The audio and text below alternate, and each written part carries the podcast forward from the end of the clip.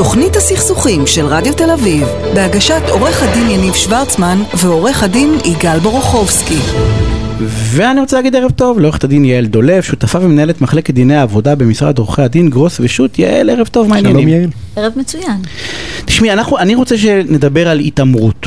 איזשהו מונח בדיני העבודה, ואני אף פעם לא הבנתי מה ההבדל בין התעמרות, וסליחה על הביטוי, לבוס מניאק. כאילו, מותר, מותר להיות לא נחמד, מותר להיות קשוח, מותר uh, להיות לא נעים. כאילו, איפה, איפה עובר הגבול? בין איך אני מנהל את העסק שלי ל... אז ככה, אמ, התעמרות זה המילה המשפטית. בוס, לא משנה מה, זה כבר אינטרפטציה, קשוח, כן. אינטרפטציה של המונח הזה. אז בואו נעשה סדר. אה, יש בוסים נחמדים ויש בוסים פחות נחמדים ויש עובדים נחמדים ועובדים פחות נחמדים, אתם יודעים את זה, זה גם אצל עובדים יש את ה... אבל בא בית הדין לעבודה אחרי הצעת חוק שעד היום לא חוקקה, לא עברה. לא עברה, ואמר את הדבר הבא, יש מקרים, יש התנהגויות שבהם אתה לא יכול בעצם לדרוש מהעובד להמשיך ולעבוד בצורה שבה הבוס שלו מתנהג אליו. כלומר, זה משהו שהוא בלתי תקין ברמה שהוא כבר עבר עוד קצת את הגבול של, אה, של איך אפשר בעצם לעבוד במקום תעזרו לנו עבודה. למשש את זה, איך, איך מבדילים בין סתם בוס קשוח לבוס מתעמר במובן המשפטי. אז תראו, אני אתן לכם דוגמאות, ו- ובעצם אנחנו מסתמכים על הצעת החוק. מעולה. אבל אם כולכם זוכרים, או שנזכיר לכם, וזה ממש קשור עכשיו לימים אלו של החלפת ממשלה, הפסק הדין הראשון שבעצם עיגן בצורה ברורה את המונח התעמרות, זה הפסק דין של מני נפתלי, של אה, לשכת ראש הממשלה. אני אתן דוגמאות. מה, מה הכוונה? הכוונה היא שיש מעשים שהבוס עושה, והם מעשים שמשפילים ומבזים את אותו עובד. לדוגמה. כמובן הכל רגע, עורכי דין, הכל אובייקטיבי, סובייקטיבי, ברור, אבל ברור. דוגמאות. כן. אה, דרישות מוגזמות, דרישות שהן לא הגיוניות. למשל, אה, תוך ארבע דקות תכתוב חוות דעת. לא הגיוני, אי אפשר, ואז מגיע אל, ה, אה, מגיע אל הבוס. עכשיו, כמובן שהכל צריך לחזור, זה לא יכול להיות פעם אחת איזשהו... אה, חזרה נשנית, זה לא עשית כמו שצריך.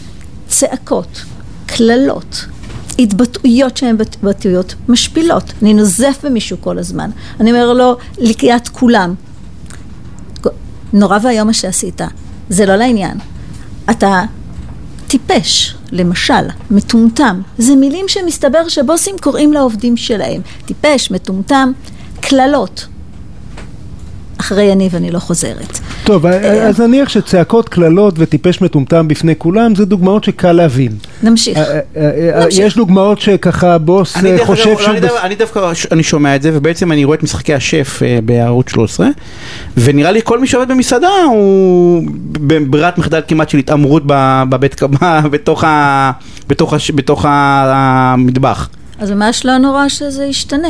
כלומר, הרעיון הוא שלעובד יש את הזכות לבוא למקום עבודה ושינהגו בו בכבוד.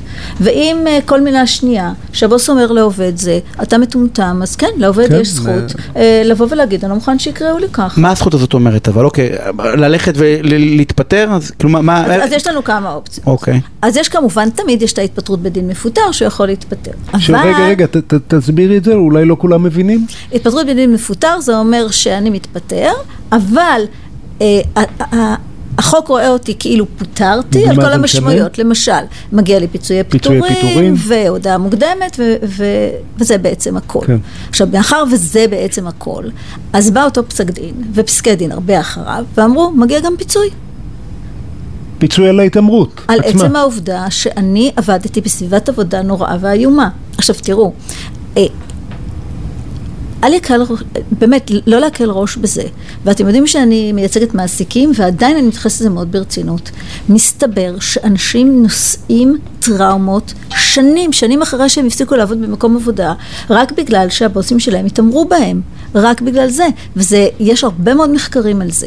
עכשיו, אה, כמובן שבית הדין לעבודה בפסיקות שלו אין סכומים מאוד מאוד גבוהים, מני נפתלי קיבל 80 אלף שקל, אנחנו מדברים על עשרות אלפי שקלים, זאת אומרת אין פה עדיין, אנחנו לא בארצות הברית שיש פה מיליונים, בארצות הברית... אה, זה פיצוי אה, עונשי, אין פיצוי עונשי הרי פיצוי. בארץ, אז אין... אה, גם, גם על הטרדה אגב, הסכומים הם לא מאוד מאוד גבוהים, זאת אומרת, הטרדה מינית. הטרדה מינית. כן. אבל אה, כן ה- ה- הרעיון שאי אפשר להתעמר בעובד, אה, התחיל לחלחל למקומות עבודה. עכשיו, אני אתן לכם עוד קצת דוגמאות רק לסבר על האוזן, כי, כי כן, אמרנו, זה יש את הדברים. הברורים והדברים הפחות ברורים. אבל למשל, אה, מישהו שמעסיק שבאופן תמידי אומר לעובד, אה, תעבוד שעות נוספות. כל היום תעבוד עוד שעות ועוד שעות ועוד שעות. או, או למשל...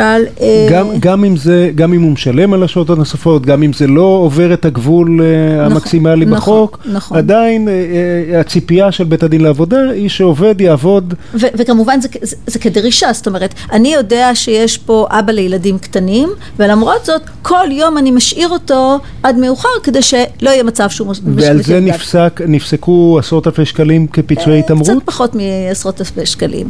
או למשל, או למשל, אה, אה, לייחס עבודה של עובד למישהו אחר, זאת אומרת, אה, לצורך העניין עובד כתב, עכשיו זה לא כמו שלצורך, נגיד, עורך דין אה, זוטר כותב משהו ועורך דין הבכיר חותם, זאת אומרת, אנחנו מדברים על זה שממש אתה מנכס לעצמך את העבודה של, של אותו עובד. לא לתת קרדיט ל- ולחלוטין לפירות לא, עבודתו. ולחלוטין קרדיט. כן, עכשיו, למחוק, מה שמעניין, למחוק אותו בעצם. אה, עכשיו, מה שמעניין, מה שמעניין בכל הדבר הזה, זאת אומרת, דיברנו רק על הבוס, אבל גם אם, גם יש עילת תביעה של עובד מול עובד. זאת אומרת, אם למשל יש תופעת החרם, שזו תופעה שקורית במקומות עבודה. בצוותי עבודה. בצוותי מחרימים את העובד, אחד מחרימים העובדים. את אחד העובדים. גם זה הוא במסגרת הצעת החוק ו- ופסיקות של בית הדין לעבודה, מהווה בעצם התעמרות. זאת גם, אומרת, גם זה אם לא זה רק לא הבוס. יוזמה של הבוס, גם אם זה לא יוזמה של החברה, עדיין ל- לחברה יש זכות אחריות, יש לא, אחריות. לא, זכות ל- תביעה מול העובד, מול העובד המחרים. כן. ומול אה, החברה, מול העובד עצמו. המחרים. וכמובן שבכל אחד מהמקרים, ל- לחברה, למעסיק, יש את החובה לשמור על סביבת עבודה נקייה. אז גם מול. העובד זכות תביעה וגם מול המעביד. כן. זאת אומרת, כך שהדוגמאות שאפשר לתת הן גדולות מאוד. יש לי שאלה בתור מי שמייצגת מעסיקים. אני לא, זה לא הפך לתעשייה? כי אני, מתרשם, אני סתם חושב כבר על הזה. בעצם זה סייף סל כזה, שבסדר, נכון שצריך להיות קבוע, אני מבין שצריך להיות קבוע, אבל כל פעם שאני עובד במקום לא נעים, אני אקרא לזה, כמעט בשיטת מצליח יש הרי עורכי דין בשפע. אה, כמעט בכל תחום, לא, את- בתחושה שלך כמי שמייצגת, לא, לא, זה לא נהיה תעשייה? אז, אז אני אגיד לך איפה התעשייה ואיפה בעצם אנחנו רואים את ה... אה, נקרא לזה הניצול מצד העובד. זאת אומרת, עובד עבד כל חייו, הכל היה בסדר, עכשיו הוא מפוטר, ואז כשהוא מוזמן לשימוע, הוא נזכר לפתע פתאום שהת, ש, שהוא התעמרו בו במהלך כל תקופת העבודה. עכשיו, למה הפטנט הזה הוא טוב? כי מה בעצם אומרת הפסיקה? אין לנו חוק, אבל אנחנו אה, לוקחים את המנגנון מאוד דומה לחוק למניעת הטרדה מינית. מה אומרת הפסיקה? אם עובד יתלונן, מה המעסיק צריך לעשות? תבדוק. לבדוק. ואז אנחנו עושים בדיקה, ואז הכל מתחיל לקבל משמעויות אחרות, ואז פתאום אנחנו מגלים כי באמת היה שלוש פעמים שהוא צרח עליו לעיני כל, ואז הטענה היא, הוא מפטר אותי כי בעצם אני התלוננתי, כי בעצם אני אמרתי, זאת אומרת, כל הסיפור הופך להיות סיפור הרבה הרבה יותר מורכב. אבל אני כן דווקא רוצה לעשות פה איזשהו איזון, למרות היותי מייצגת מעסיקים. יש באמת מקרים, אני, אני אומרת לכם, שלפעמים ממש אפילו ליבי שלי נחמר על אותו עובד. אפילו, שעובד- כן? אפילו. אה, כי באמת מדובר ב- בסיטואציה בלתי אפשרית. סיטואציה בלתי אפשרית. תחשבו על זה שבן אדם מגיע לעבודה וכל הזמן הבוס שלו יורד לחייו. ו- והוא צריך ככה... הוא הוא צריך ככה לקום כל יום בבוקר. אבל למה הוא לא עוזב? בתחושה שלך זה כמו הטרדה מינית, כאילו, לפעמים אין לו אתה, ברירה. אתה נפגע, אני, אני אגיד לך... לפעמים אין לו ברירה, אני...